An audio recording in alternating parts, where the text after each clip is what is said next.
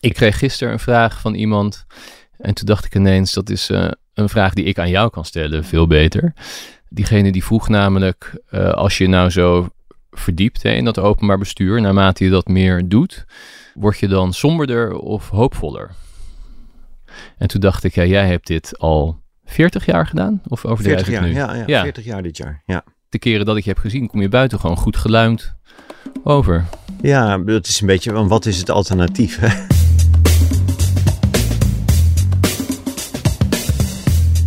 Hallo, fijn dat je luistert naar Stuurloos, waarin we het hebben over hoe wij Nederlanders een beter bestuur kunnen krijgen.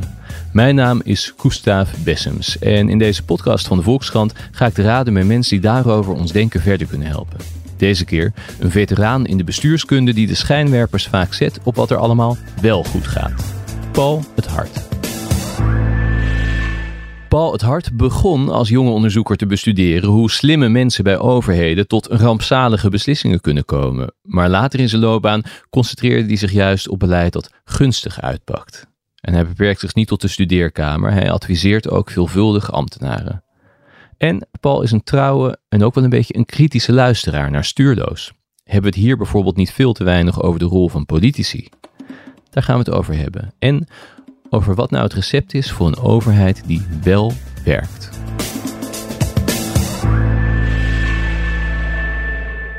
Je kan, je kan die somberheid laten overheersen. Ik heb ook het een beetje in de voorbereiding gedacht van uh, je, glas half vol, glas half leeg. Uh, tot nu toe is, uh, denk ik, in stuurloos vooral het leger worden van het glas het leidende thema geweest, ondanks jouw wens. Uh, om, om toch ook aan die andere kant te werken. En ik heb zelf ook heel lang gezeten in het, ja, met de puzzel. Hoe kan het nou dat in zo'n land als het onze, met alle faciliteiten, opleidingsniveaus van mensen die het openbaar bestuur terechtkomen, noem het allemaal maar op, dat er dan nog dingen zo ernstig mis kunnen gaan. En dat is dus van alle tijden, want ik begon in de jaren tachtig en toen was er ook geen uh, tekort aan cases van, uh, oh nou, als u zoekt naar fiasco's en affaires, dan moet u daar en daar maar eens kijken. Tegelijkertijd is in al die veertig jaar dat glas van, laten we zeggen, de kwaliteit van het openbaar bestuur eigenlijk altijd veel voller geweest dan dat het leeg is geweest. Alleen is onze appreciatie daarvoor is denk ik wel veranderd. En dan kan je zeggen, ja, god, we zijn kritischer geworden of we zijn verwinder geworden. Je kan ook zeggen, door successen uit het verleden uh, is het ook logisch dat op een gegeven moment die in het verwachtingspatroon worden ingeboekt en dat mensen de, de lat hoger leggen voor zowel de uh, prestaties als de bejegening als allerlei aspecten. En op het moment dat je die lat dan hoger uh, legt, is het ook moeilijker om over die lat heen te springen, zeg maar. Maar ik heb ervoor gekozen de laatste paar jaren om mijn allengs somber wordende gemoed over de wereld, de, de human condition, et cetera, toch te proberen te parkeren in de manier waarop ik kijk, professioneel kijk, naar het bestuur, omdat ik denk dat er een tekort is aan vanuit een meer, laten we zeggen, wat gaat er wel goed houding kijken en, en daarvan proberen te leren. Want die was er wel, die toenemende somberheid ja, maar goed, je, krijgt, iedereen krijgt deuken van het leven. Uh, en en soms kan je die deuken attribueren aan je eigen blunders en fouten en slechte beslissingen. Uh, en soms uh, is dat dan anderen dichterbij die het allemaal fout hebben gedaan. Maar soms is het ook de overheid, de politiek, et cetera. En ja, we zien natuurlijk kolossale vormen van verwaarlozing van, eh, van hele reële problemen. Ik bedoel, over klimaatontwikkeling, uh, het achterwege blijven van tijdige krachtige reacties erop heb, heb ik me al meer dan twintig jaar zitten opwinden.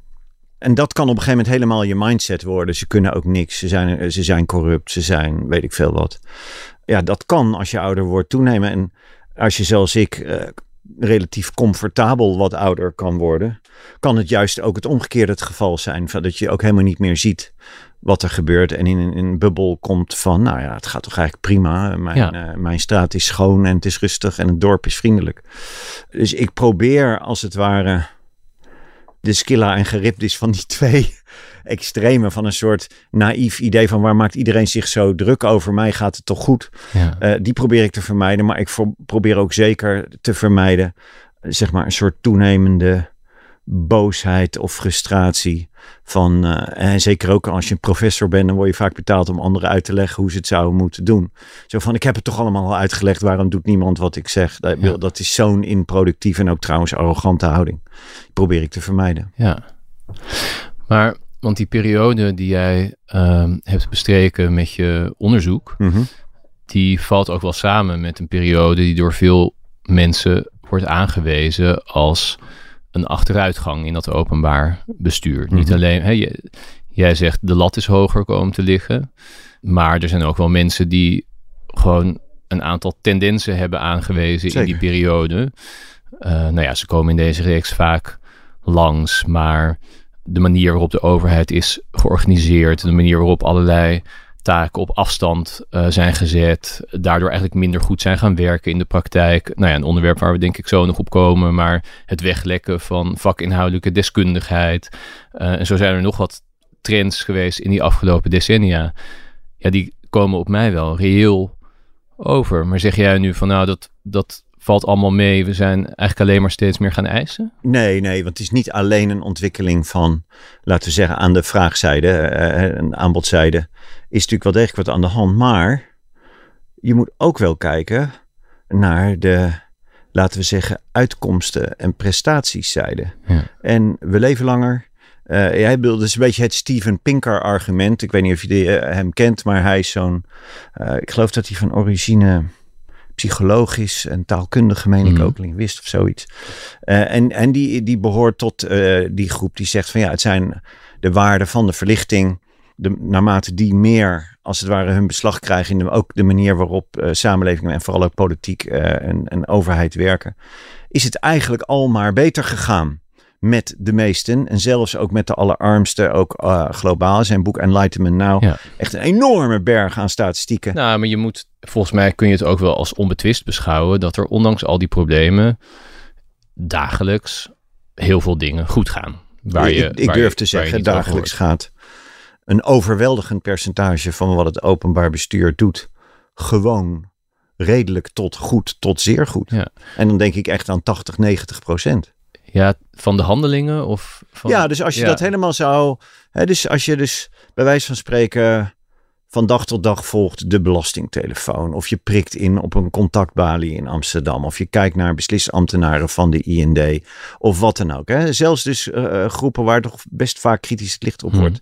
Als je echt gewoon bij wijze van spreken op een ouderwets Tayloriaanse manier daarnaast gaat zitten van wat doen die mensen, wat gebeurt ermee, hoe lang neemt dat in beslag, Eh, gaat het volgens de regels, klopt het rechtsstatelijk, dan is het in overweldigend aantal eh, van een proportie van de gevallen, gaat dat eh, heel behoorlijk tot zeer goed. Ja. Biel, jij en ik lopen hier eh, ook net komen terug van, ik kom uit een parkeergarage. We lopen hier naartoe, het licht doet het eh, gebouw. ik, ik heb geen enkele zorg voor mijn veiligheid. Ja. Als wij dit gebouw in Bogota hadden staan, dan was het een heel ander verhaal of waar dan ook. Hè? Ja. Dus eh, ik bedoel, ja, ik heb heel veel gereisd van mijn leven. Ik heb ook in het buitenland gewoond. Dan ga je toch, eh, toch ook wel met iets meer relativering en mildheid kijken naar de kippendrift waarmee eh, totale falen van het Nederlands openbaar bestuur door deze en gene eh, worden verkondigd. ja. Maar mogen we de lat niet wat hoger leggen dan Bogota of... Zeker, tuurlijk. Ja. Dat is ook zo. Dus zeker mogen we die lat heel erg. Ja. Maar je moet het in proportie blijven zien. Ja. Toen ik begon met mijn onderzoek. Eigenlijk is de trigger helemaal terug te voeren tot één boek. wat ik eh, mocht lezen van Ja. mijn docent Koen Koch. Toen ik politicologie studeerde in Rotterdam, eh, begin jaren tachtig. Die gaf mij het boek eh, Victims of Groupthink van Irving Janis, Amerikaans psycholoog. En dat waren een aantal cases in het Amerikaans buitenlands beleid. die echt waren uitgelopen op complete rampen, zeg maar. Noem er eens En, eentje. Ik bedoel, eh, dus de de- details, maar... De, de, contra, de poging tot contra-revolutie in Cuba, de beruchte invasie van de varkensbaai, de escalatie van de Vietnamoorlog, escalatie van de Koreaanse oorlog. En wat mij zo fascineerde daar was dat hij ook de vraag stelde: hoe kan het nou? Dat bijvoorbeeld een regering Kennedy, die dan de best en de brightest, hè, half Harvard was leeggetrokken om daar minister te worden of eh, topambtenaar. Ja. Hoe kunnen die nou Zulke slimme mensen. dom, Ja. amoreel, eh, stupide eh, beleid voeren. En met andere woorden, daar zat toch iets in van, kijk, normaal gaat het eigenlijk goed. Uh, normaal, we zitten eigenlijk in een periode van vooruitgang. Verlichtingswaarden domineren. En toch zijn er die rabiate uitzonderingen op die regel. En mij fascineerde die uitzonderingen. Dus toen was mijn beeld van nou jongens, uh, ja, de verzorgingsstaat begon, was natuurlijk al begon, begonnen te haperen. Of werd vooral onbetaalbaar begin jaren tachtig. Uh, dus het was wel het gevoel van, zitten we aan de end of the party, zeg maar. De, na, van de naoorlogse zeg maar, groei en wederopbouw en uitbouw van de verzorgingsstaat. Maar toch, het beeld was toch... De overheid is de cavalerie, die zijn de good guys, die doen het meestal best oké, ook al is er veel bureaucratie en red tape, et cetera. En waarom gaat het dan soms zo erg mis? Dus ik was toen als het ware op zoek naar de studie van de uitzondering. Maar al snel kwam ik er wel achter dat er natuurlijk wel wat meer aan de hand was. Dat er ook wel sprake was van verschuivingen die dat klimaat, dat die expansie en laten we zeggen uh, ook de politieke consensus over de ontwikkeling van die overheid en hoe die functioneerde, dat dat uh, wel uh, ja, in het gedrang begon te komen en dat er ook en dat had ik aanvankelijk niet gezien, dingen als het ware structureel problematisch ja, begonnen te zijn verklaring, even, leid ik even ook maar af uit de titel van dat boek, ja. Groupthink, was... Er ontstaat een soort dynamiek van elkaar maar bevestigen en, en, en niet tegenspreken. En zo lopen ze een tunnel in en doen ze iets heel doms. Ja, het was echt een sociaal-psychologische verklaring. op de psychologie van de mensen die aan de knoppen zaten. Ja, psychologie van de mensen die aan de knoppen zaten. En ook wel het uh, op soms de institutionele arrangementen. Hoe kan het dat zulke belangrijke beslissingen op een gegeven moment door tien man in een kamer worden genomen die zich af kunnen sluiten van zeg maar diversiteit aan informatie en advisering en checks en balances en dat soort zaken. Ja, ja. Waarom is het niet zo ingericht? Dat er tegenmacht is, ander geluid. Ja, dat, je helemaal geen situatie kan hebben waarin die, dat groepsdenken ontstaat. Precies, exact. Ja. Maar jou begon ook gewaar te worden, het is structureler dan die psychologie. Nou ja, kijk, ja, het werd natuurlijk uh, in de jaren tachtig werd A, gingen dus, laten we zeggen, de nadelen, of je zou ook kunnen zeggen de excessen van de klas, min of meer klassieke bureaucratieën die we hadden opgebouwd in de jaren 50 tot 70 bijvoorbeeld het monopoliekarakter van die bureaucratie. Ja, u moet volgens onze regels uh, nu werken, want anders behandelen wij uw zaak niet. Weet je, dat type dingen. Ja. maar de arrogantie van een bureaucratie, de traagheid, ook wel de inefficiency, de lage oriëntatie op uh, de burger, op de, de, degene die uh, om een dienst vraagt of om een beslissing vraagt. Hey, dat was toen echt wel allemaal aan de orde. En daarnaast was er het probleem van de kostenontwikkeling. Ja. Dus ook de enorme groei van de overheid, die, die, die, ja, dat konden we op een gegeven moment niet meer betalen na de oliecrisis. Want we hebben het in deze podcast best vaak over alle negatieve uitvloeiselen van wat daarna is gevolgd. Hè? Ja. Dus eigenlijk het ofwel vermarkten van taken, dan wel het binnenhalen van marktmechanismen in de overheid. Ja. Om, om de doelmatigheid uh, te vergroten. Ja. Om mensen meer keus te geven en om efficiënter te werken. Nou, daar zijn volgens mij ook allemaal uh, nadelige uitvloeiselen uitgekomen. Maar dat kwam hier vandaan. Dat was een reactie op iets wat ook mis aan het gaan was. Ja, zeker. En, en kijk, er was één groep, zowel in, in de academie zou je kunnen zeggen, als ook wel in, uh, binnen de overheid zelf, die hier al lang op aan het wijzen was dat dit, dat dit de bijproducten zouden zijn van een klassieke bureaucratie. En dat waren vooral economen economen van de Public Choice uh, School, die heel erg de neiging hadden om als het ware het gedrag van publieke organisaties te bekijken door dezelfde soort van lens uh, als waarmee we het gedrag van spelers op een markt bekijken. Dus men is gericht op nutsmaximalisatie, op maximaliseren van het eigen belang of uh, de, de omvang van het budget of de, de sec, het sexy karakter van de taken die men naar zich toe weet te halen. En, en, en die mensen begonnen eigenlijk ook die werden op een gegeven moment ook steeds dominanter in het denken over: oké, als dat het probleem is, wat is dan de oplossing? En uh, eigenlijk wat je ziet is dat de kant die we zijn opgegaan vanaf uh, ruwweg uh, begin jaren tachtig, is dat eigenlijk het klassieke, laten we zeggen, bestuursrechtelijke, juridische in bredere zin denken. En het meer, laten we zeggen, vanuit planning en vanuit sociaal werk, allemaal dat type mm -hmm. dingen het inrichten van je overheidsorganisatie, werd het steeds meer een economen logica van hoe zitten de prikkels in elkaar. Ja. Kunnen wij organisaties prikkelen om eh, niet, eh, niet zozeer doeltreffend te zijn, maar vooral ook doelmatig. Want eh, de koek is op. We moeten hetzelfde met minder Ja. kunnen doen. Dus economische waarden werden belangrijker, economisch denken werd belangrijker. Ook wat het resultaat betreft, dat werd ook daarna veel meer afgemeten aan wat levert het op. Dus een overheidsuitgave is een investering en die moet dan voor die samenleving ja, eigenlijk ook weer een soort rendement halen. Terwijl heel veel dingen die de overheid doet, zijn per definitie daar niet in te gieten. Ja, toch? ja, precies. Dus, dus economen, met alle respect die ik voor de discipline heb. eh, ik heb bij de WR ook voortreffelijke economen collega's die ik Ja, niet op de tenen kan gaan met staan. name je naaste collega's op dezelfde gang zijn fantastische economen. Ja, Ja. Hè, maar, maar echt een fundamenteel begrip van het complexe karakter van overheidstaken. En van het soort van relaties tussen, eh, zeg maar, overheidsdienaren en eh, burgers die daaruit voort kunnen vloeien. Het feit dat de kernfunctie van de overheid is voorkomen dat de chaos ontstaat. Ja, Mensen beschermen tegen tirannie ja. eh et cetera, et cetera. En dat dat heel moeilijk te vatten is in een economisch model. En dat soms dus inefficiency minder belangrijk is dan dat het maatschappelijk eh, nagestreefde doel wordt bereikt. Ja, dat was op een gegeven moment toch wel ondergesneeuwd, denk ik, in de jaren tachtig. Dus het werd wel erg op doelmatigheid allemaal ingericht. Ja, dit spreekt mij erg aan. Jij bent eerder voor de Volkskrant wel eens geïnterviewd door mijn collega Arian Korteweg. Toen zag ik ook dat je had gezegd... de kernfunctie van de overheid is niet het leveren van prestaties... die mensen gelukkig en tevreden maken... maar het mogelijk maken van vreedzaam maatschappelijk verkeer. Ja, dan zijn we misschien een beetje terug bij het eh, begin van het gesprek. Ja. Dat is al lang ingeboekt in het verwachtingspatroon. Dat nemen we eh, voor vanzelfsprekend. Hè, Dus, is, is dat ook de ja. schok dan bij sommige eh, van die schandalen die nu zo de aandacht trekken en het beeld kleuren, dat daar ja, eigenlijk precies dat gevoel voor verhoudingen of voor billijkheid eh, lijkt te ontbreken. Want daar gaat het natuurlijk Ja, vaak over. ja. Het gaat vaak over mensen die ineens, ik bedoel, het gaat het vaakst over het toeslagenschandaal, maar er, zijn, Zeker. maar er zijn een aantal meer van dat soort voorbeelden. Hè? Eh, algoritmen die ineens eh, je etniciteit eruit plukken Ja. en, en allerlei consequenties voor je hebben waar je je niet aan kan onttrekken.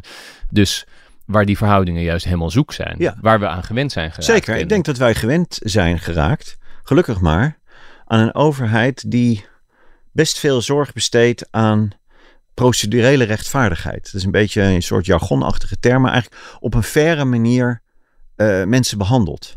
Er is een enorme berg aan onderzoek. Dus in Nederland heel erg wordt dat bij elkaar geveegd door mijn collega Kees van der Bos aan de Universiteit Utrecht.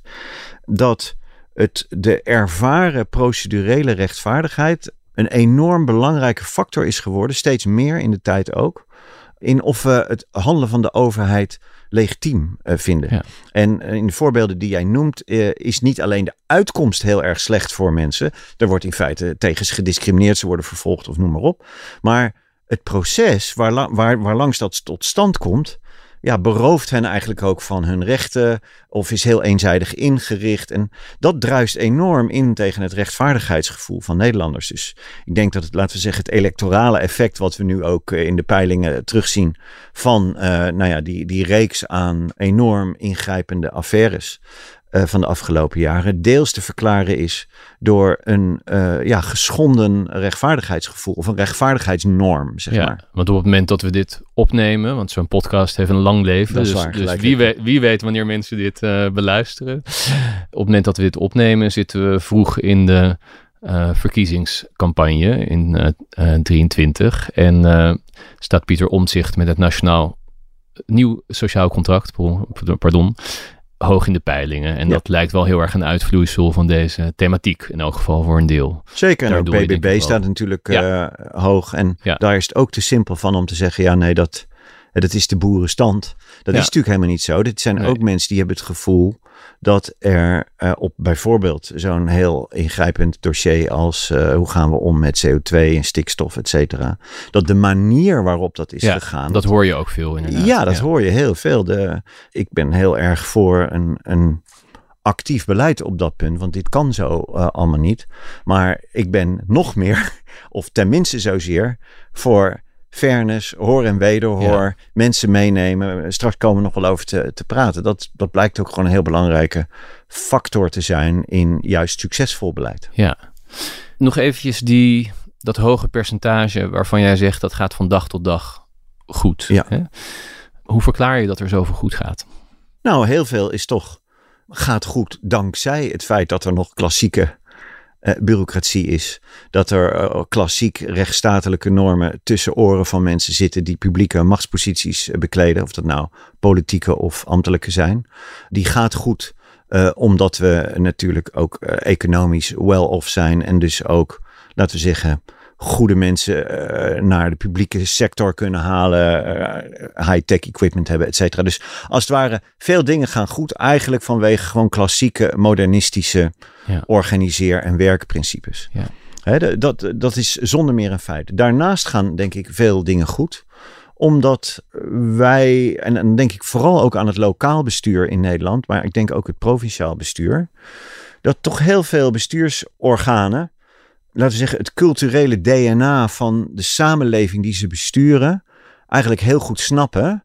En hun repertoire van hoe ze dus beleid maken, uh, hoe, ze, uh, hoe ze daarin, uh, laten we zeggen, ruimte scheppen voor mensen om hun zegje te doen. Hoe ze daarbij niet met een winner takes all mentaliteit werken, maar met het idee van kunnen we ook minderheden appeseren, et cetera. Dus daar zit een soort inherente match in die eigenlijk heel, laten we zeggen, beschaafd is. En die past bij de Nederlandse verhoudingen. Maar nou krijg ik ook wel veel uh, reacties binnen van mensen die ergens werken in dat openbaar bestuur. Ja. Uh, ambtenaren, mensen die bij uh, uitvoeringsorganisaties ja. werken, va vaak wat jongere mensen ook. Nou, daar heb ik twee gedachten bij. Eén, daardoor denk ik ook wel eens van hierom gaat er nog veel goed. Want dat zijn vaak extreem welwillende, toegewijde uh, mensen hè, die ja. echt inderdaad uh, ja, zorgvuldig uh, hun werk proberen te doen en wel degelijk met de mensen voor wie ze dat doen in hun hoofd. Dus daardoor denk, denk ik vaak, hierdoor gaat er zoveel nog goed. Ja. Maar er valt mij daarbij toch ook wel op, en het kan niet anders of jij, ze zeggen dat soort dingen ook tegen jou. Ook zij hebben toch wel heel vaak het gevoel dat ze werken ondanks het systeem. Dat Zeker. ze tegen de klippen op in een systeem wat juist niet meer uh, diezelfde waarde of diezelfde blik vanuit de burger uh, heeft, dat voor elkaar moeten zien te boksen. Ja, nee, je, kijk, je, bij de WR zijn we op dit ogenblik bezig met een project dat uh, heet de deskundige overheid. En dat gaat eigenlijk over de vraag van, heeft de overheid eigenlijk nog wel de, de verschillende vormen van deskundigheid, van competentie in huis om de grote broek waar die de politiek eigenlijk wil dat de overheid weer gaat aantrekken om, om die ook op een goede manier te kunnen vullen. Ja. En daar, Want, daar hebben we. Leg heel even uit de grote broek die ze weer aantrekken. Nou ja, uh, toch de laatste jaren is het gevoel van uh, de overheid is terug, de staat moet weer meer doen, de markt heeft gefaald. Dat hele experiment waar we het eerder over hadden vanaf de jaren tachtig tot nu, dat heeft eigenlijk zijn logische eindpunt wel uh, ja. bereikt. Er moet weer een volkshuisvestingsbeleid komen. Ja, moet, de moet overheid weer moet weer sturen. Volwaardig defensieapparaat, uh, Ja. dat soort dingen. Ja. De- landbouwbeleid. in het kader van dat project hebben wij het ook wel eh, over eh, slimme mensen in dommakende systemen. En je zou ook eh, parallel daaraan kunnen zeggen dat er soms moreel of normatief goed geladen mensen in cynisch eh, makende of totaliserende systemen blijken te belanden. Ja. Nu is wel de vraag, en ehm, dat is mij wel opgevallen. Ik ben dus een trouwe luisteraar Ja. van Stuurloos. Ik heb ook laatst je, je, je grote samenvatting die je ja, hebt ja, gemaakt. Ja, ja, ik voel een kritiek, kritiekpunt aankomen. Nou ja, ja wat, eh, het is voor mij niet zozeer van wat daar allemaal wordt gezegd en de duiding die je daaraan geeft, dat ik daar nou zo ontzettend veel kritiek eh, op heb. Eh, her en der zou je wat nuance kunnen aanbrengen, maar dat doet niet toe. Het is vooral van wat er nog niet is gezegd. En wat, wat vooral mij frappeert is hoe weinig het is gegaan tot nog toe. Eigenlijk over het feit dat al die feilen in belangrijke mate politiek veroorzaakt zijn Mhm. politiek in stand worden gehouden, politiek gewild zijn. Niet omdat die politici dom, slecht, et cetera zijn, maar ook zij zitten in een systeem inmiddels dat niet de better angels of their nature, om eh, eh, Nee. eh, Abraham Lincoln maar te citeren, naar, buiten, naar boven haalt. Het is dus, nou, je hebt hier, hier heel veel gehad over het toeslagenschandaal. En dan kunnen we natuurlijk alle pijlen richten op de Belastingdienst, et cetera.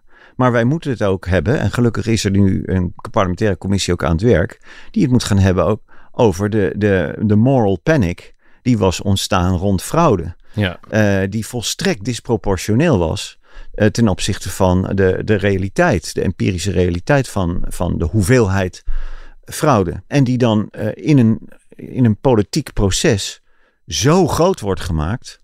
Deels vanuit parlementaire kant kan ook de ambitieuze jonge staatssecretaris zijn, of wie dan ook die daar dan op een punt van maakt. Ja. ja, en dat wordt dan op een niet onderhandelbare manier zo'n ambtelijke organisatie ingeduwd.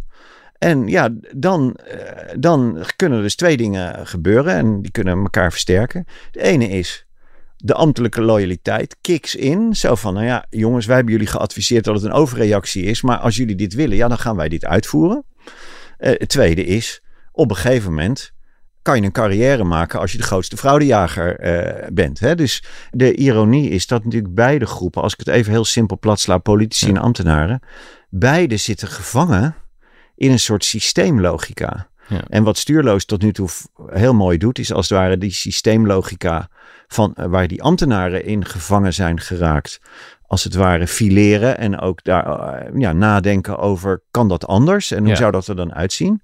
Maar ik denk dat we het net zoveel moeten hebben over de systeemlogica waarin uh, zeg maar politici uh, gevangen zitten. Ja. Kun je daar een aanzet toe doen? Beschrijf die systeemlogica is. Um, ja, een paar dingen. Um, we zijn eigenlijk dat systeem van een parlement hè, als een soort debatkamer voor, voor de natie is eigenlijk uh, gewond geraakt toen we de hele boel zijn gaan opengooien. Camera's in het parlement hebben de boel er niet beter op gemaakt. Dat iedereen eindeloos met zijn mobieltje bezig mag zijn uh, en vuurtjes mag opstoken terwijl ze als het ware aan het ontbranden zijn in debatten, maakt het er niet beter uh, op. Het feit dat wij uh, decennia lang geen uh, politicus het bijna heeft aangedurfd om de zeer matige bewerktuiging van het parlement te problematiseren. Ja, en te omdat zeggen, ze bang zijn dat ze voor zakkenvullers worden Precies, hè, dus dat, dat angst voor het, het soort anti anti-politieke populistisch ja. discours. Wij, wij, hebben, als, er zijn ook allerlei mooie vergelijkingen van. Wat wij over hebben voor onze democratie. Ja. Is dat, letterlijk weinig. Is letterlijk relatief. weinig. Ja, ja en dan, dan moet je niet verbaasd zijn dat je krijgt wat je, wat je, wa, wat je investeert of waar je niet in investeert. Uh, je, je beschrijft daar toch, ik bedoel, het zijn verschillende elementen, maar de, de rode draad daarin is de dominantie van beeldvorming en de angst voor beeldvorming, denk ik. Dat is het symptoom, ja. ja, ja dus dat is waar we nu mee zitten, ja. als het ware. Uh, maar daaraan ten grondslag liggen dus een aantal hele simpele dingen. Dus dat wij, wij hebben ook dat politieke proces enorm laten, laten we zeggen, mediatiseren. Of ja. we hebben de kaasstolp zo transparant gemaakt dat degene die onder die kaasstolp hun werk moeten doen, zich ook, uh, ja, 100% van de tijd bekeken voelen en daarop gaan anticiperen en reageren en daar ook mee gaan spelen. En we hebben allemaal kunnen zien wat voor effecten dat heeft. Verder hebben we natuurlijk een kiesstelsel dat uh, gebouwd is in een tijd dat de Nederlandse samenleving er heel anders uitzag. Dat de beleving van het sociaal contract tussen uh, burgers en politici ook heel anders was. Uh, maar ook, laten we zeggen, nou ja, je hebt het zelf gehad over het verleden van verzuiling en, en noem maar op. Kijk, daarin kan, kan een stelsel als het onze heel goed gedijen. Uh, maar in een tijd van, laten we zeggen, individualisme. En een tijd van ook het je niet meer zoveel gelegen liggen, laten liggen aan de partijorganisatie waar je dan toe behoort op enig gelijk moment. Ja, daar is dat stelsel helemaal niet tegen bestand. Ik bedoel, het is gewoon echt, vind ik, een pathologie dat wij 22, 23 partijen hebben in een parlementje met 150 uh, zetels. Want er is een behoefte ontstaan. Mensen willen stemmen op een partij waar ze het eigenlijk helemaal mee eens zijn. Die helemaal het voor hen vertegenwoordigt. Respectievelijk die het, meest, het voor hen meest aantrekkelijke geluid maakt ja. op het voor hen belangrijkste issue. Ja, precies. Huh? Ja. In en, plaats van een bredere partij ja. waar verschillende geluiden binnen bestaan. Ja. Waarvan je denkt, ja, dat is grosso modo mijn kijk op de samenleving. Ja. Dus stem ik En dat daarop. is natuurlijk altijd onbevredigend, et cetera, Ja. et cetera. Maar ja, er is de, de, de, in Nederland heeft denk ik heel lang heel goed gefunctioneerd, omdat we in ons parlementen een mooie balans hadden tussen een aantal zogenaamde catch-all partijen, van die brede volkspartijen werd het dan ook wel vaak genoemd, die zich op allerlei issues profileren. En dan moet je, hè, die, die eigenlijk tegen de kiezer zeggen van, nou ja, tel de plussen en de minnen bij elkaar op. En als de plussen groter zijn dan de minnen, stem dan op ons. En daarnaast een aantal partijen die bijvoorbeeld vanuit religieuze signatuur of het groene issue of eh, Ja. communistische ideologie eh, heel duidelijk een meer eh, smalle bandbreedte keuze boden. Ja. wat we nu eigenlijk zien is dat eh, die laatste categorie dat is gewoon uit de hand gelopen.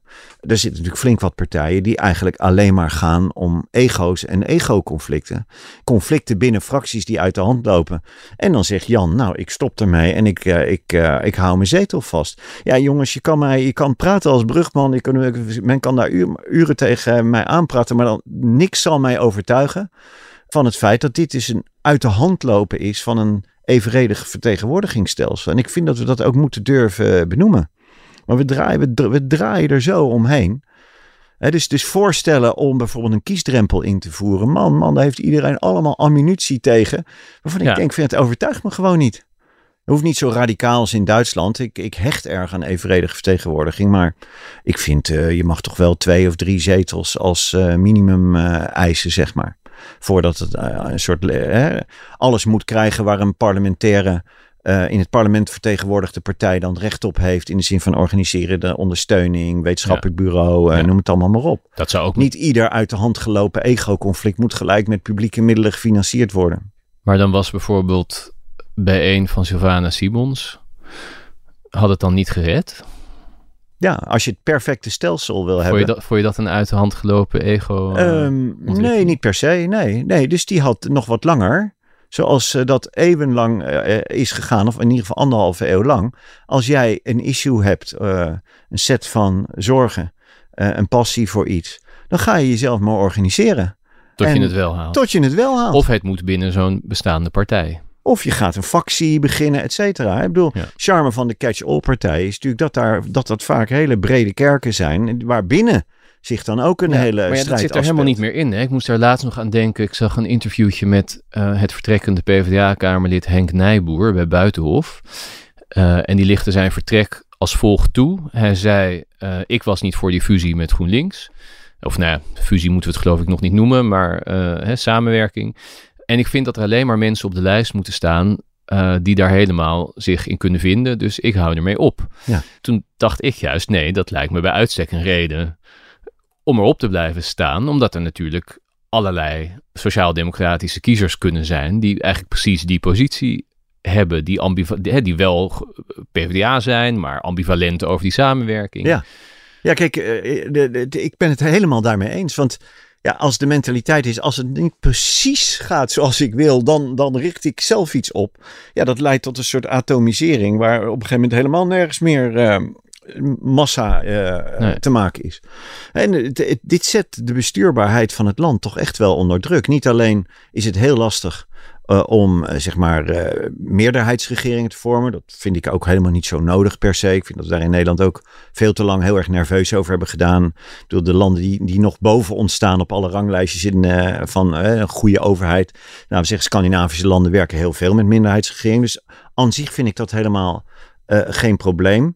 Maar het soort van nerveuze dealtjes die dan de hele tijd gemaakt moeten worden met mensen eh, die, in mijn ogen soms een heel twijfelachtige legitimiteitsbasis hebben. eh, ja, dat, dat vind ik wel eh, bezwaarlijk. Ja, de SGP is dan ook weg.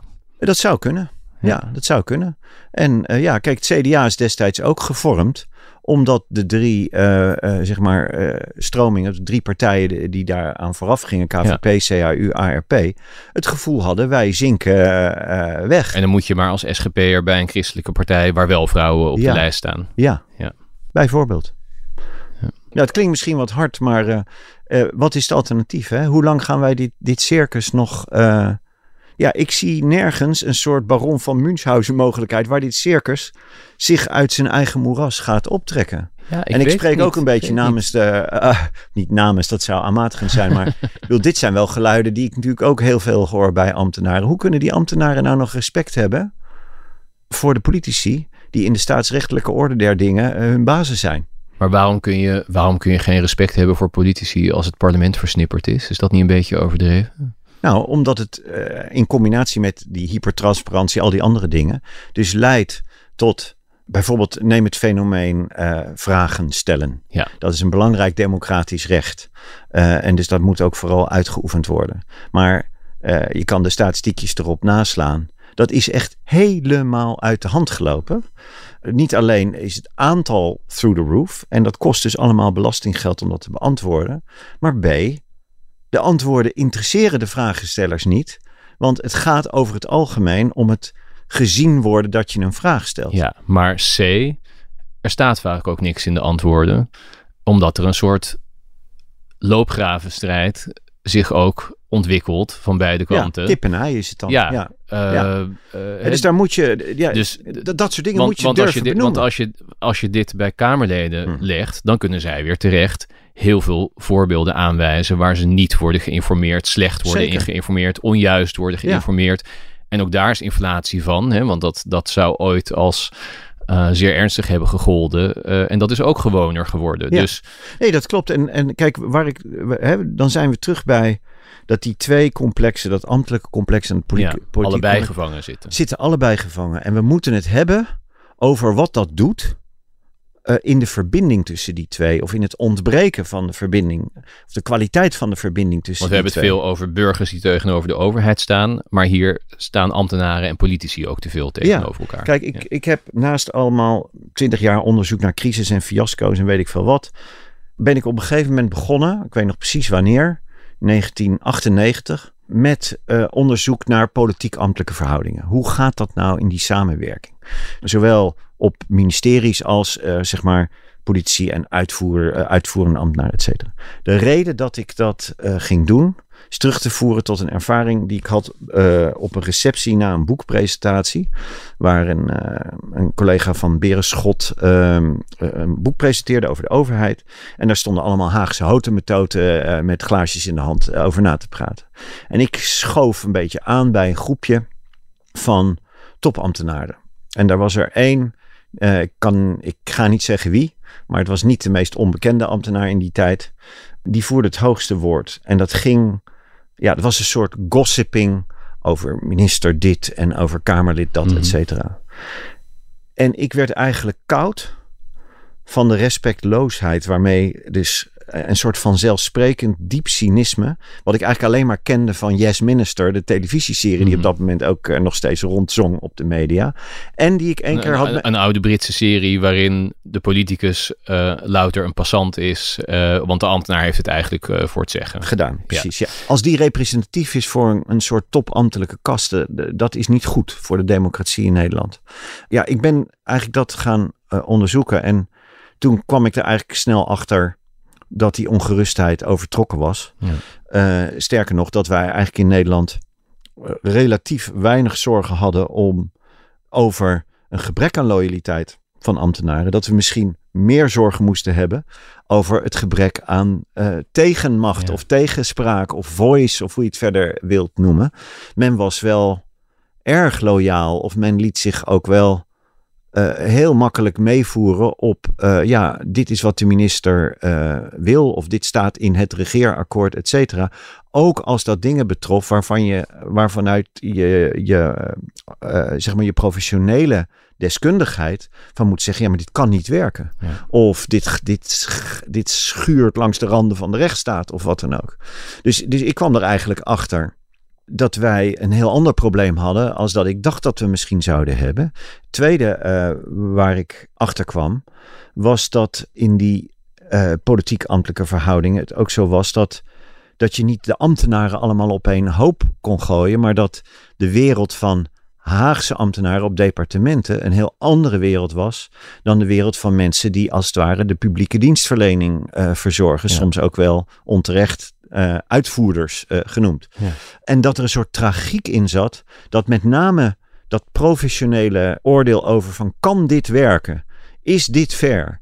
et cetera. Dat de kennis daarover, die zat eigenlijk vooral bij die laatste categorie. Maar hun toegang tot het directe gesprek met politici, of dat nou hun bewindspersonen waren, maar vooral ook mensen in het parlement, dat die toegang eigenlijk steeds meer was dichtgespijkerd. Uh, Niet in de laatste plaats, ironisch genoeg, door hun eigen collega's uh, op die Haagse departementen, die toch vooral bezig waren met de steeds ingewikkelder wordende politieke uh, verhoudingen. Ja. En, en, hoe is dat nu, denk je? Um, nou, nu is eigenlijk de laatste paar jaar ook ten gevolge van het uit de hand lopen van een aantal van die affaires, is er een nieuwe poging. Er is al eens een eerdere poging geweest, medio jaren negentig, van die publieke dienstverleners, zoals ze zich nu noemen. Uh, om, om zichzelf te emanciperen, om zichzelf wat breder te maken, hun ja. stem meer te laten horen. Dat is toen uh, genadeloos neergesapeld door de politiek. Commissie ingesteld, commissie Koonstam, die, die uh, eigenlijk zei van nou, Doe maar gewoon met je Niet zoveel wordt. autonomie, niet, Ja. niet allemaal in zelfstandige bestuursorganen, niet de grote broek aan die uitvoerders. Gewoon eh, terug in het hok, dichtbij en onder regie van de ministeries, et cetera. Nu zien we dat die eh, publieke dienstverleners eigenlijk opnieuw zich ja, naar voren eh, werken. En dat de, de receptiviteit daarvoor bij de politiek groter is. Ja. Dus de, de, we zitten in een soort unieke kans dat uit de puinhopen van onder andere de toeslagenaffaire misschien een vorm van institutioneel leren en een verbetering van die verhoudingen eh, tot stand kan komen. Want dat is ook echt hard nodig. Ik vroeg aan eh, minister Bruin Slot, die toen nog net minister van Binnenlandse Zaken Zeker. was. Ja. Voordat ze dienstbaar als ze is, eh, als tweede keus naar Buitenlandse Zaken verhuisde. Ja, of je niet van die hele scheiding af moet. Hè, van, tussen dat, die beleidsmakers Ja. die zo ver afzitten en die publieke dienstverleners. Nou, dat vond ze een ingewikkeld idee. Ja. Maar ze vond wel dat je voor het maken van beleid eigenlijk moest beginnen bij die dienstverleners die die kennis hebben. En toen vroeg ik, ja, maar krijg je dat ooit voor elkaar als die mensen niet gewoon heel hoog in de boom zitten op zo'n ministerie? Anders moeten ze maar blijven beuken op de poort en avondjes organiseren en knelpuntbrieven schrijven en allemaal dingen om jullie aandacht te trekken. En toen zei ze wel, ja, daar kan ik het alleen maar mee eens zijn. Mhm. Denk jij ook dat dat zou moeten gebeuren? Want je hoort ook binnen departementen nog wel, hè, ook van lagere ambtenaren, van ja, het zijn vaak die topambtenaren die als een soort eh, ja, handhavers van de politicus, zonder veel tegenwicht aan die politicus te bieden, zorgen naar beneden toe dat alles inderdaad zo loyaal wordt uitgevoerd. Ja, dat is, dat is ook weer een vereenvoudigde weergave van de, de, de enorm complexe werkelijkheid waarin Haagse topambtenaren leven. Hè? Ja, Dus, dus de mensen een paar niveaus daaronder, die... Die, eh, die zien niet die eh, wat zien- er ge- geworsteld wordt Ja, aan de top. precies. Dat, Ja. is, dat is zo. Maar desondanks zit daar wel. eh, We moeten de been niet met badwater weggooien. Want daar zit volgens mij wel de kern van een oplossingsrichting Ja. in. En eh, ja, dat is ook niet een soort hypothetische zaak. Als je bijvoorbeeld kijkt naar Denemarken. Misschien is het leuk om een anekdote te vertellen. Ik ging. Ik, ik werk ook bij de Nederlandse School voor Openbaar Bestuur. Dat is zo'n soort opleidings- en reflectieclub voor de hogere ambtelijke regionen in Nederland. Eh, en daar hebben we ook een opleiding voor de absolute top. Of opleiding is misschien te veel gezegd, een soort reflectietraject. Ja, het is misschien goed om even te noemen. Ja. In al jouw eh, jaren als wetenschapper heb je nooit eigenlijk alleen onderzoek gedaan, maar je hebt ook altijd getraind, geadviseerd. Ja. Ja. Dus je bent Ja. betrokken. ja, ik voel me betrokken. Ik vind het anders toch te, te veel eh, roepen vanaf de zijlijn, Ja. zeg maar. Dus op een gegeven moment gingen wij met zo'n groep van die topambtenaren, waarin zowel mensen van departementen zaten als van uitvoering en toezicht en eh, rechterlijke macht en noem maar op, gingen we met z'n allen naar Denemarken. Onder andere om daar te kijken naar de decentralisaties zoals ze daar waren, eh, hadden, plaatsgevonden. Dus het, het overbrengen van meer taken naar eh, de gemeente. Die case stond te boek als een, eh, zeg maar een succes. Dus wij wilden wel eens weten hoe, hoe hebben jullie dat nou allemaal voor elkaar gekregen? En ik kan me nog heel goed het moment herinneren dat wij op bezoek gingen bij een secretaris-generaal, een hoogste ambtenaar van het ministerie daarvan. Dat heette Binnenlandse Zaken en Economische Zaken. Dat was daar in één. En eh, wij zaten daar in een zaaltje en we moesten even wachten, want eh, de betrokkene was wat te laat. En op een gegeven moment kwam er een relatief jonge man, eh, zo'n frisse Deen, kwam daar binnen op sandalen. Zette zijn fietshelm af. En eh, ging zitten in dat zaaltje. En ja, de Nederlandse delegatie was toch eh, best veel Was wat statiger. gedistingeerde types in grijs bak. En eh, nou, er ontspond zich dus een gesprek. Deze man die legde uit hoe radicaal eigenlijk die decentralisatie was geweest. Eh, omdat ze dus niet alleen taken, maar eigenlijk ook eh, eigen inkomsten eh, veel meer naar de gemeente hadden geschoven. Dus er mag politiek worden gemaakt over, ehm, laten we zeggen, publieke dienstverlening. Ze hadden Eh, het echt uit handen gegeven. ze hadden het echt wel behoorlijk ver uit handen gegeven. Eh, en ze hadden ook gezegd van ja, maar dat kan niet als die gemeenten allemaal zo klein zijn als ze bij ons in Denemarken zijn. Eh, en daar hebben ze binnen één jaar een heel drastische reductie van het aantal gemeenten door samenvoeging en zo. Nou, en daar had hij een heel mooi subtiel verhaal over. Dat doet er verder nu niet toe. Maar op een gegeven moment begonnen die Nederlanders, die begonnen te vragen, oh ja, maar als dat allemaal zo is, hoe groot is jouw ministerie dan? Dus eh, die man die zei van nou, ik geloof dat we nu zo'n 175 mensen hebben. Dus toen ontstond er al gemurmel, want een beetje departement in Den Haag is minimaal duizend, zeg Ja. maar. En de meeste zijn nu al 2000 of zo. En op een gegeven moment, ook met het typische gebrek aan diplomatieke vaardigheden, vraag gewoon een van die Nederlandse topambtenaren van ja, als het zo is, waar zitten dan de echte topambtenaren? Die man zonder een spier te vertrekken zei van ja, nee, die zitten allemaal bij de gemeente. Dus eh, wat is de moraal van dit verhaal? Eh, Nou, je kan er een soort interessante culturele ontmoeting. Maar, maar de moraal van het verhaal is: Ja. als jij decentraliseert. en als je een, zoals we dat in Nederland noemden, een knip zet tussen beleid en uitvoering. en dat vind je heel erg belangrijk, dat die uitvoering goed gaat. En je, je organiseert die uitvoering dus in aparte rijksdiensten, respectievelijk je, je duwt dingen naar gemeenten Ja, wat, op zich, wat in Nederland is gebeurd. wat in Nederland is Ja. gebeurd, dan moet je dus eh, een aantal bijkomende dingen ook doen. Op politiek niveau moet je een aantal dingen doen en organisatorisch. Organisatorisch moet je dan dus ook zeggen, dan moet er ook topkwaliteit mogelijk zijn. Dus top, eh, zeg maar, fiscalisten en wat je allemaal aan specialisme en deskundigheden nodig hebt, moet dan ook naar eh, die, Ja, de met plaatsen geld, waar het met gebeurt. de posities, Ja. met de middelen. Ja. Exact. Dus dat moet gebeuren. Ten, wat ook moet gebeuren is dat de politiek het dan draaglijk maakt dat er verschil ontstaat. Dat het in Aalborg, als het gaat om, weet ik veel, de uitvoering van sociale regelingen, anders gaat en soms gewoon minder goed gaat dan in Esbjerg of in Kopenhagen.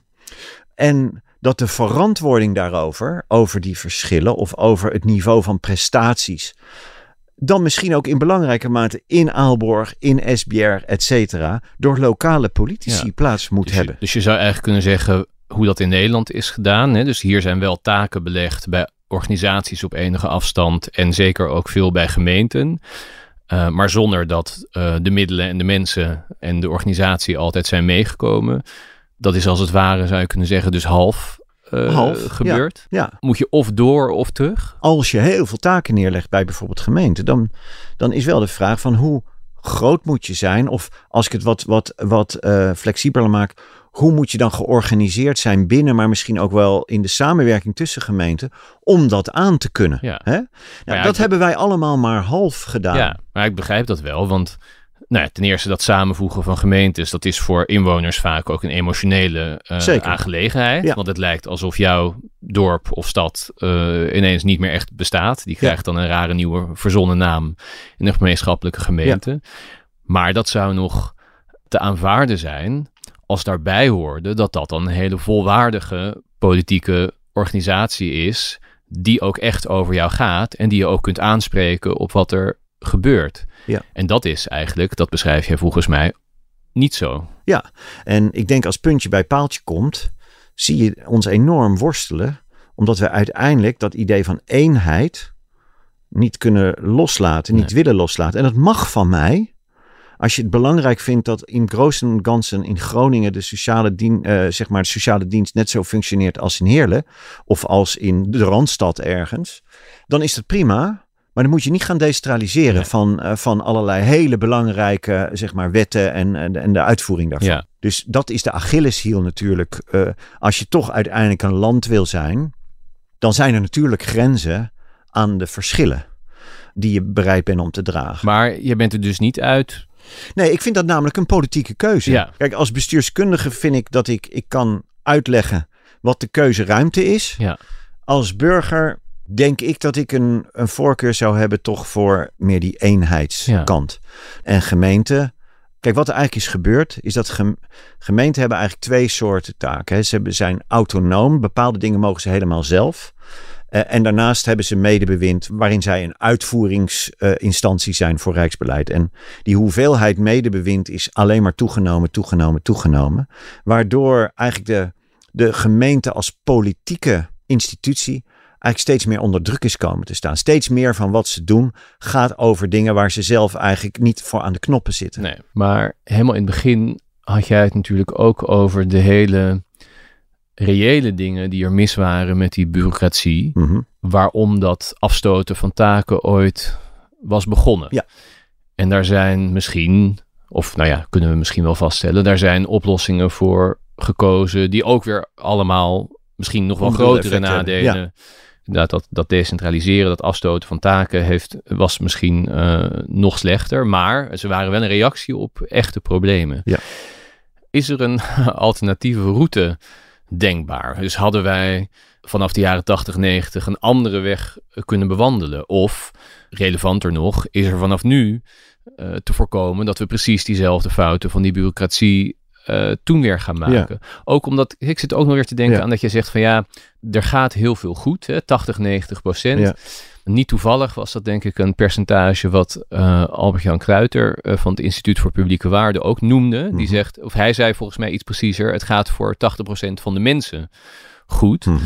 Maar het systeem werkt goed als er niks bijzonders met je Mhm. aan de hand is. Zodra er wat Zodra je op meer dan één factor. Ja, precies. eh, Ja. eh, in een huishouden speelt. Er is er- en iets met een schuld en iets met de jeugdzorg. Ja. Nou, dan eh, ben je ook eh, een beetje aan de goden overgeleverd, gechargeerd eh, Ja. gezegd. Soms helemaal niet gechargeerd trouwens. En die beweging terug naar meer eenheid, naar centraler, draagt die niet dan weer sowieso al die oude risico's in zich die er waren. En ook nog meer kans dat, nou jij noemt zelf het woord maatwerk. Ja. Dat wordt heel moeilijk Ja. daarin. Nou, ja, dat is, dat, zou, dat is dan het grote waagstuk. Hè. Stel dat je dus het scenario volgt van eh, toch weer centraliseren.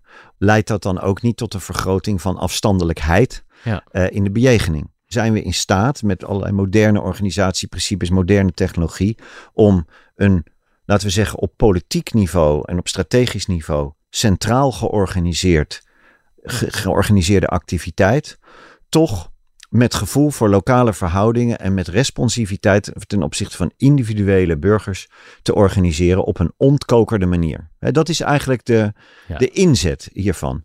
Eh, daar ben En, ik. en ont, ontkokerd, eh, Is dat is, dus dat gewoon je dat niet je- verschillende onderdelen van de overheid niet Precies. allemaal langs elkaar heen werken. exact. Waardoor je hè, als huishouden heb je bijvoorbeeld één probleem. Eh, nou, het, eh, probleem wat hier bijvoorbeeld wel eens is langsgekomen is... ik heb geen auto eh, om de kinderen mee naar school te brengen. Dus voor dat huishouden is dat één probleem. In het overheidsapparaat met al die verschillende afdelingen... zijn dat er negen die eigenlijk allemaal voorkomen... dat dat ene probleem wordt opgelost. Ja. Kan je dat ehm, overwinnen, zeg maar? Ja.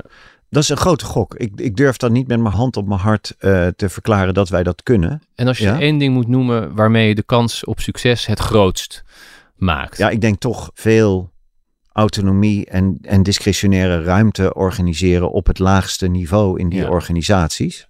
Dat is één. Ik heb drie dingen. Het tweede is, maak prikkels om dingen samen op te lossen. Dus de verschillende kokers, specialismen of organisaties die allemaal eigen wetten, regelen en lingen, et cetera, hebben uit te voeren. Pool hun budgetten.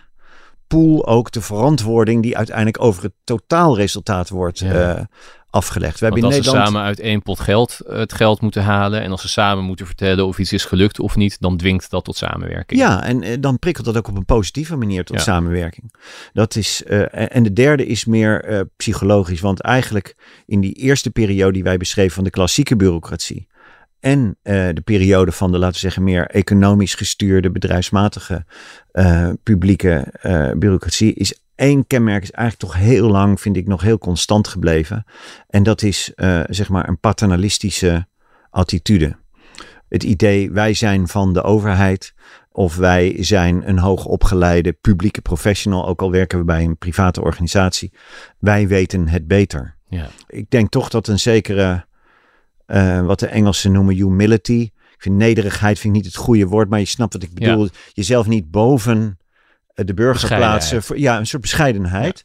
Die, die, die in concreto natuurlijk tot uitdrukking moet komen in een groter en eerder in het proces ingezet luisterend vermogen. Ja. Daar heeft het eigenlijk, ongeacht al die grote macromodellen, heeft het eigenlijk toch in belangrijke mate aan ontbroken. Wij zijn een diploma-samenleving. Diploma aan diploma's, aan professionals. Er wordt, wordt ontzettend veel uh, gezag uh, toegekend op allerlei manieren. Ik bedoel, ik ben er zelf een voorbeeld van, zo'n hoogleraar en zo. En toga's en de hele santekraam. En allemaal een soort rituelen. Uh, zo van, de, ja, deze meneer weet het zeker beter, want et cetera. En eigenlijk is toch een van de grote lessen van ook een aantal zaken die zijn misgegaan, is heel vaak er waren signalen. Ja. Dat kunnen signalen zijn van lager geplaatsten die dichter op de uitvoeringsrealiteit zitten. Maar vaak ook er waren schreeuwen om hulp. Uh, mensen zelf. Mensen die gewoon zeggen, ik maak dit mee. Maar ik zie dit toch met mijn eigen ogen. En dan zie je dat uh, twee dingen dan altijd een rol spelen bij het niet doorkomen daarvan. Eén is, laten we zeggen, de hiërarchie en de vele lagen en de filtering en de regels en procedures waar mensen zich dan op beroepen, die, die eigenlijk vaak ook fictief zijn. Er kan vaak veel meer dan je denkt. En je kan ook gewoon zeggen, ik doe gewoon en daarna vraag ik vergeving aan mijn baas. In plaats van dat ik zeg, nee, ik moet het eerst met mijn baas overleggen. Dus, dus dat uh, staat in de weg. Maar toch ook wel dat idee van, uh, ik weet het beter dan jij. Ik sta boven jou, et cetera. En, en ja, aan die knoppen kunnen wij draaien. Het project dat jij nu bij de Wetenschappelijke Raad voor Regeringsbeleid ja. mee bezig bent, dat onderzoek, dat, dat is een onderzoek naar welke deskundigheden zijn er binnen de overheid en, en welke ontbreken er, is die mix goed, moet dat anders? Ja. Ja, wij spreken inderdaad over de zogenaamde deskundigheidsmix. Ja. En dat, dat sluit ook wel aan bij een van de thema's van Stuurloos, denk ik. Dat je, als je dat een beetje over lange periode beziet, dat we aanvankelijk natuurlijk begonnen zijn, uh, zeg maar in de wederopbouwperiode, met het idee dat eigenlijk maar één ding ertoe doet binnen de overheid. Dat is gewoon inhoudelijke deskundigheid. Je moet een goede jurist zijn, een goede planoloog, een goede sociaal werker. En je moet je professie uitoefenen. Maar ja, dat logent natuurlijk helemaal het idee dat je ook werkt in een democratisch proces en dat er, uh, dat er compromissen moeten worden gesloten, dat er politieke verhoudingen zijn, et cetera. En dus um, is er eigenlijk uh, op een gegeven moment ook een, een heel ander soort van functie-eisen bijgekomen. Uh, ik kwam dat tegen in dat eerder genoemde onderzoek naar politiek-ambtelijke verhoudingen. Toen met heel veel bewindspersonen en dat soort mensen gesproken en in hun oordeel gevraagd over hun ambtenaren.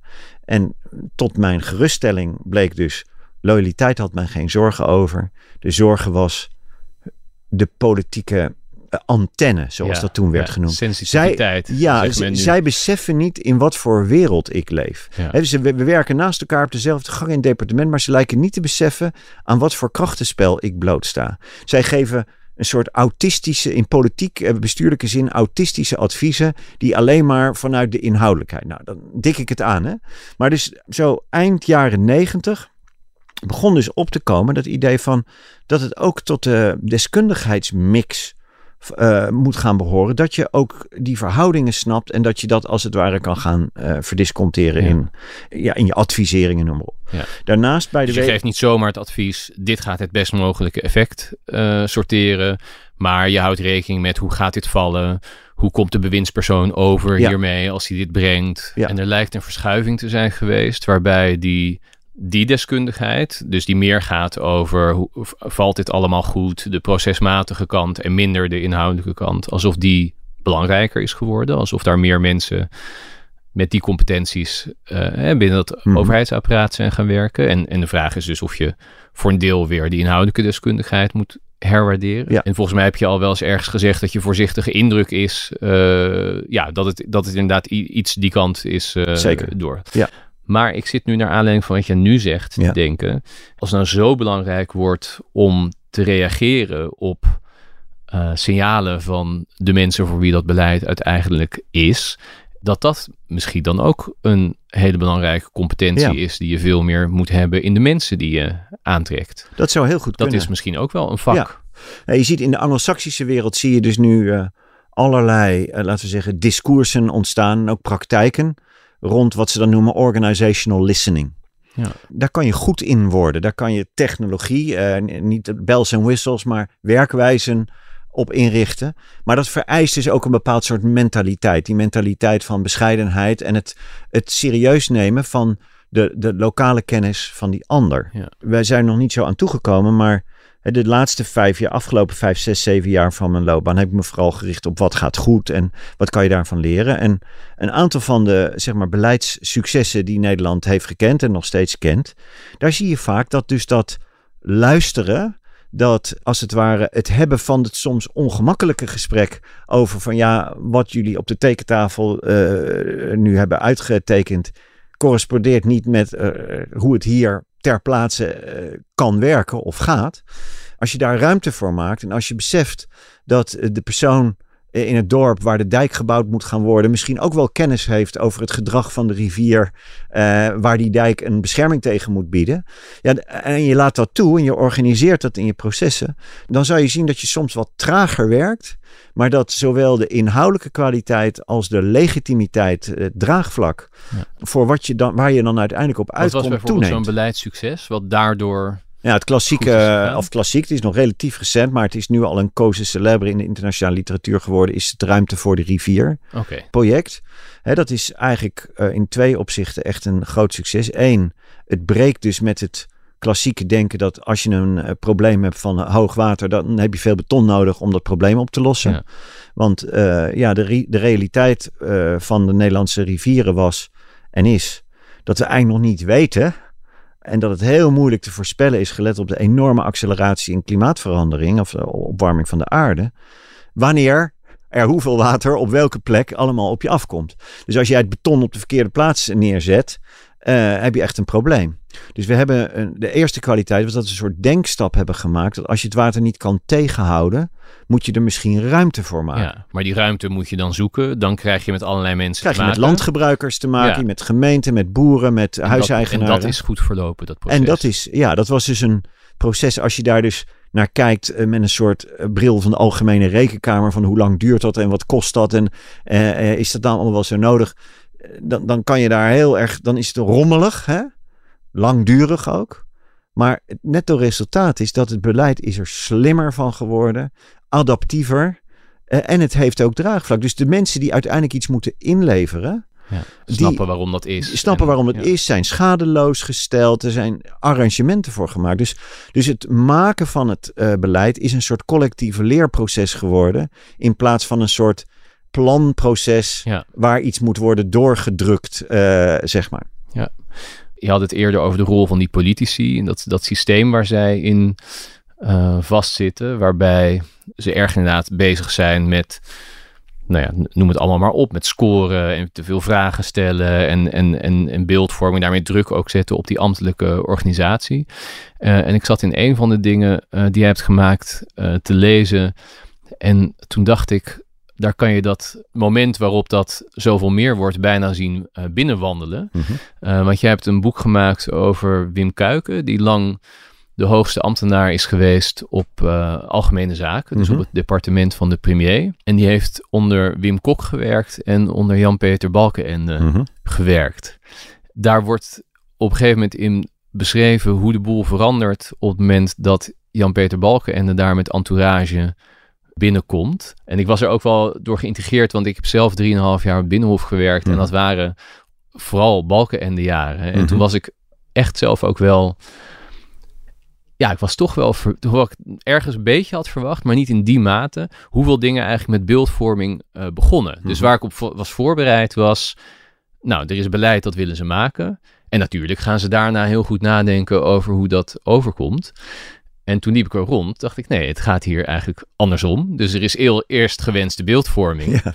En daarna eh, willen ze er beleid bij, wat natuurlijk van die departementen eh, moet kijken. Maar Nou ja, kijk, die, die, de overgang van Kok naar Balkenende werd natuurlijk gemankeerd door de grootste, diepste eh, politieke trauma dat dit land ooit heeft gekend. Dus de, de, de revolte van Fortuyn, de moord op Fortuyn. Dus het idee van we moeten het anders doen.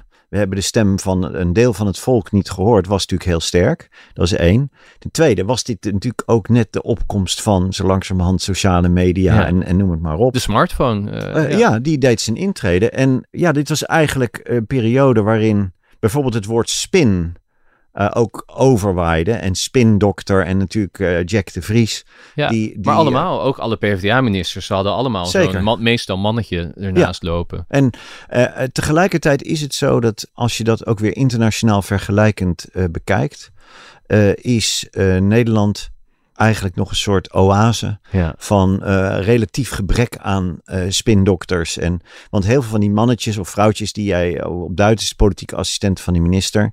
Daar is ook veel onderzoek naar gedaan. Volgens mij heb je Caspar van den Berg hier ook gehad. Ik weet niet Ja. of je met hem daarover hebt gehad. Maar dat is eigenlijk, dat zijn toch vooral Haarlemmer olietypes die ook voor, eh, plooien moeten gladstrijken in de verhouding tussen coalitiepartners. Die moeten dingen moeten.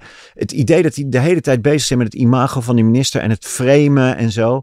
Dat valt eigenlijk nog wel mee als je vergelijkt dat bijvoorbeeld in een land als Australië, mijn andere land, komt een minister met 13 Ja. Jack de Vriese binnen. Eh, en, die, en die zijn allemaal 23 en een half. Die komen vers van de universiteit. Die willen maar één ding, een carrière maken in de partij. Ja. En eh, het partijbelang eh, staat vol, boven het landsbelang, staat boven goed bestuur, et cetera. Dus ook op dit punt eindigen we toch weer met een half vol glas eigenlijk. Ja, of een minder leeg glas, Ja. zo je wilt. Ja. En jij wil dus camera's uit de Tweede Kamer.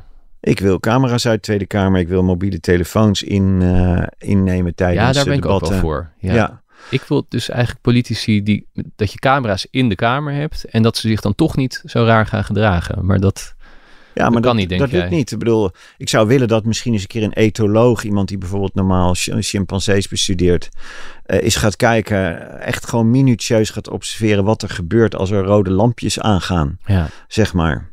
Eh, en je ziet gewoon metamorfoses in het gedrag van mensen. En eh, ik, we moeten niet de fout maken. En die, gebeurt, die fout wordt natuurlijk voortdurend gemaakt eh, in hoe mensen over politiek praten. Dat we denken dat die politici een bepaald soort mens is. Die zo in elkaar zit. Dat is niet zo. Ik ken er genoeg. De meeste komen binnen met ook een, een wens om het verschil te maken voor de Ja. publieke zaak. als je Maar- ons daar neerzet, dan gaan wij precies zo doen, denk ik. Dat rode lampje is, een, is, is een van de zeer dwingende kenmerken van het systeem waarin ze terechtkomen. Jij en ik gaan ofwel ons zo gedragen, of we doen er niet toe. Dan houden we onze waarden constant, maar dan doen we er niet toe. Dan zijn we het type Kamerlid dat dan bij zijn afzwaaien wordt gezegd was een hardwerkend Kamerlid, heeft zich heel verdienstelijk op een. En, en dan komt er dat hij een amendement heeft of een initiatief. Zulke Kamerleden wil ik wel. Ja, en, en daarom is een van de dingen waar ik ook voor ben, nog niet genoemd, meer Kamerleden. Ja, Eh, en meer bewerktuiging van die Kamerleden. Investeren in die democratie. oké. Ja, er is... Ja, we moeten toch op een gegeven moment een soort punt zetten. Zeker. Eh, dus dat gaan we nu maar eh, doen. Dankjewel. Dank je.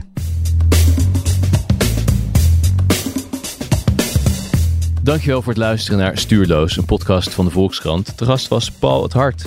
Als je het de moeite waard vond, breng deze podcast dan bij anderen onder de aandacht als je wil. Dank ben ik verschuldigd aan Tiemen Hageman, die me hielp met de opname. Geert van der Pol voor kritisch meeluisteren. Rinky Bartels voor de montage. En Corien van Duin, eindredactie. Tot gauw.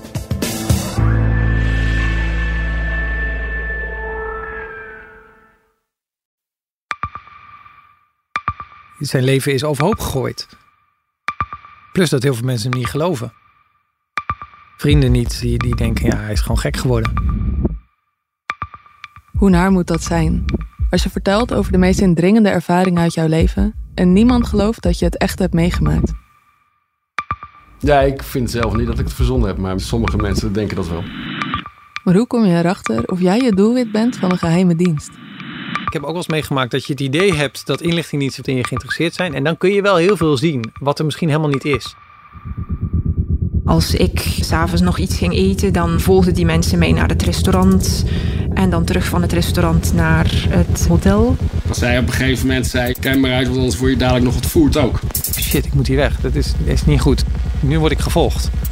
Een soort Truman Show is het gewoon. Hè? Alsof dat hele straatbeeld voor jou is ingericht. Maar dan wel met bedoeling ja, jou niet door te laten. Dit kan geen toeval zijn. een nieuwe podcast van de Volkskrant. Mijn naam is Simone Eleveld en samen met Huid Modderkolk ontrafel ik een bizarre operatie van de geheime dienst. Wat het doel ook is, jij verliest het. Ik werd opgepakt, heel lang ondervraagd. Maar hoe krijg je grip in een wereld die zo onderzichtig is? Als je zou liegen, dan zou je niet de meest relevante informatie twee jaar later tussen neus en lippen doorvertellen. Er zal nooit iemand zeggen, oké Bart, ik geloof je. Nooit, nooit. Dit kan geen toeval zijn. Vanaf 3 oktober bij de Volkskrant. Ik weet niet of ik ook alles kan vertellen. Het is echt te bizar. Wat? Ehm, ja,